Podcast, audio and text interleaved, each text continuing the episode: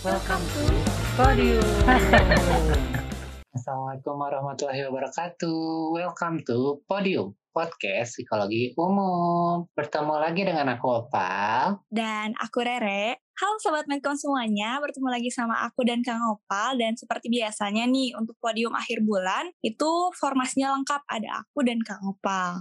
Hore. Hore. Ya. Biasanya kita ada bintang tamu ya, Re. Kali ini kita cuma berdua Iya. aja. Nah, walaupun eh, cuma berdua, tapi kita punya bahasan atau obrolan yang seru banget ya. Eh, pokoknya kita bakal ngebahas hal-hal yang banyak kalian eh, requestin nih. Ya, bener banget nih. Seperti yang udah Kang Opal bilang. Jadi, kali ini tuh kita punya bahasan tentang FOMO. Mungkin beberapa dari sahabat Medcom ada yang udah pernah dengar istilah ini, atau mungkin juga ada yang baru pertama kali dengar. Ya, nah buat yang baru pertama kali dengar, FOMO itu adalah singkatan dari Fear of Missing Out. Nah, ini adalah akibat dari perasaan cemas yang timbul akibat takut ketinggalan sesuatu yang baru seperti tren, informasi, berita, dan lain sebagainya. Hmm, mungkin singkatnya bisa dibilang takut gak up to date gitu ya Kang ya.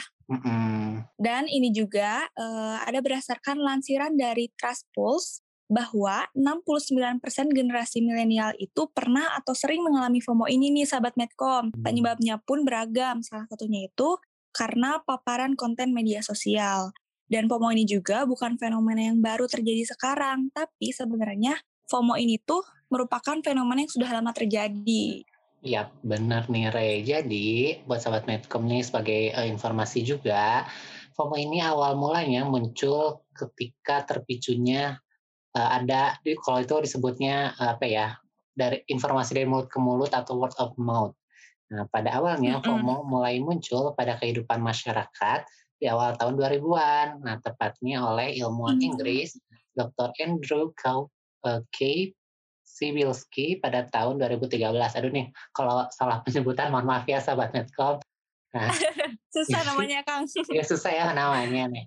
Nah, menurutnya ini teknologi masih belum secanggih pada hari ini. Jadi perkembangan fenomena FOMO masih sangat rendah sampai akhirnya eh, berkembanglah pada zaman sekarang ini muncul teknologi seperti mengirim eh, pesan singkat atau SMS. Nah, sehingga eh, terbukalah jalan untuk berkembangnya fenomena FOMO dengan sangat cepat. Hmm, jadi FOMO ini mungkin awal munculnya itu karena mulai maraknya broadcast mungkin ya Kang ya, istilah Ya, lain dari betul. SMS massal. Nah, sahabat Medcom, jadi FOMO ini itu berhubungan erat dengan emosi dan perasaan yang terbentuk dari lingkungan. Semakin banyak yang membicarakan sebuah kejadian, maka semakin sang pendengar ingin mengikuti dan ikut serta dengan kejadian tersebut karena ada rasanya rewarding atau eh, karena adanya kebutuhan psikologis gitu dan dengan mengikuti perkembangan juga berhubungan dengan yang bersangkutan secara online gitu teman-teman. Iya benar. Nah, karena semakin berkembangnya zaman, juga berkembangnya teknologi, maka makin banyak ya Re fenomena yang bermunculan sekarang ini. Nah, Iya. karena tadi kita udah eh, nyebutin sedikit tentang sejarah dari FOMO ini, sahabat Netcom juga harus tahu nih hal penting lainnya yang berkaitan dengan FOMO yaitu faktor-faktornya. Jadi sebenarnya apa sih penyebab dari sindrom atau fenomena FOMO ini bisa terjadi? Iya bener Kang, bener banget. Penting untuk kita tahu apa aja faktor munculnya FOMO ini gitu. Karena pada dasarnya FOMO ini tuh merupakan suatu kebutuhan individu untuk selalu terhubung dengan aktivitas sosial orang lain. Maka perilaku tersebut muncul karena adanya motivasi atau dorongan tertentu dari diri kita atau dari lingkungan kita. Iya, benar dari diri kita atau dari lingkungan kita. Atau mungkin eh, bahasa ininya adalah faktor internal dan faktor eksternal. Nah, kalau untuk Betul. iya betul. Kalau untuk eh, internalnya sendiri itu ada sebuah teori yang dapat menjelaskan hal ini nih atau teorinya ini berkaitan tentang motivasi pada individu yang disebut dengan self determination theory. Nah, teori ini menjelaskan Hmm. bahwa kesehatan psikologis didasarkan atas tiga kebutuhan psikologis atau adanya tiga needs. Nah, needs yang pertama itu ada eh, kompetensi, yang kedua eh, kebutuhan akan otonomi, dan yang ketiga adalah kebutuhan akan keterhubungan atau relatedness. Nah, dan FOMO ini dapat dipahami sebagai akibat kurangnya atau tidak terpenuhinya ketiga kebutuhan dasar tersebut. Hmm, oke. Jadi kalau kata teori ini tuh, kenapa bisa terjadi FOMO? Karena tidak terpenuhi si tiga kebutuhan ini ya, Kang, ya? Ya, betul banget. Nah, mungkin buat sahabat Medcom yang mau tahu mau tahu lebih lanjut tentang teori yang udah Kang Opa sampaikan tadi, mangga boleh langsung di uh, ditanya aja ke Abah Google ya, Kang, ya, biar lebih lengkap. Iya, betul. Buat yang masih penasaran gitu. Iya. Oke, dan seperti yang udah Kang Opal bilang bahwa ada faktor eksternal, ada faktor internal. Nah, tadi udah Kang Opa jelasin faktor internalnya, dan uh, ini juga ada faktor eksternal atau dari luar diri kita atau mungkin dari lingkungan. Hmm. Bahwa FOMO ini tuh terjadi karena adanya pertama media sosial online. Jadi FOMO atau fear of missing out ini tuh muncul dengan rasa ingin terus terhubung dalam media sosial. Media sosial ini bisa bikin kita selalu ingin tahu mengenai individu lain gitu. Jadi kita pengen tahu kehidupan dia kayak gimana, hmm. kegiatan dia itu apa aja. Terus achievement atau pencapaian dia tuh udah apa aja gitu dan bahkan ini tuh dianggap jadi kebutuhan kita untuk mengetahui orang lain dan ini juga bikin timbul rasa ingin selalu mengetahui tren populer yang lagi happening. Dan hmm. untuk faktor eksternal yang kedua itu adanya pengaruh teman sebaya atau peer group. Nah, faktor-faktor sosial di lingkungan yang berkaitan dengan penerimaan dan penolakan dari masyarakat atau lingkungan sekitar kita, ini juga berpengaruh nih teman-teman. Dan faktor budaya juga bisa menekan kita untuk bergantung dengan teknologi atau jadi kecanduan internet gitu karena adanya konformitas terhadap lingkungan. Betul. Jadi uh, nggak bisa kita pungkiri lagi ya gitu maksudnya ada dari dirinya kita sendiri yaitu tadi adanya motivasi uh, untuk adanya kebutuhan-kebutuhan dan juga didukung oleh lingkungan uh, yang tersedia gitu. Tadi ada media sosial juga ada uh, pengaruh teman sebaya. Nah, karena tadi kita udah ngebahas faktor-faktornya, mungkin uh, sahabat Menkom juga jadi makin penasaran ya sama apa sih yeah. gitu uh, ciri atau gejala orang-orang yang uh, mengidap atau mengidap mengalami FOMO ini. Tapi uh, perlu ditekankan ya sahabat Netcom, walaupun kita nanti udah tahu gitu apa ciri atau gejalanya, kita tetap nggak boleh self diagnose ya, karena seperti yang sudah Betul. kita tahu dan sudah kita bahas juga di podium episode 2 kemarin. Betul. Benar banget nih, ke Kang Opa udah bilang juga, mungkin buat teman-teman yang belum dengerin podium episode 2, itu ngebahas tentang self diagnose. Jadi udah dengar podium episode 14 ini sampai beres, boleh mangga didengerin episode 2-nya. Betul. Jadi jadi makin banyak ya pengetahuan-pengetahuan yang kita dapatkan gitu dari uh, podcast kita tentunya ya. Nah, oke okay, balik balik lagi nih ke bahasan kita yaitu ciri atau gejala dari FOMO ini sendiri. Yang pertama adalah lebih tertarik untuk beraktivitas di media sosial. Nah, Gejala FOMO yang paling utama adalah rasa ketertarikan dan keinginan berlebih yang dirasakan oleh seseorang untuk beraktivitas di dunia maya dan enggan untuk bersosialisasi di dunia nyata. Nah, salah satu contoh perilakunya adalah banyaknya unggahan yang dilakukan seseorang di berbagai media sosial dengan alasan ingin terlihat sempurna di mata orang lain. Nah, yang selanjutnya hmm. adalah enggan beralih dari layar ponsel individu yang menderita sindrom atau fenomena FOMO ini pasti merasakan perasaan tidak nyaman jika dalam beberapa menit atau beberapa detik mungkin ya yang sudah mengalami FOMO yang berat mm-hmm. itu ketika tidak mengecek uh, smartphone-nya atau handphonenya. Nah, karena kalau nggak megang nih beberapa waktu saja ada perasaan bahwa dia ketinggalan banyak informasi penting dari media sosial.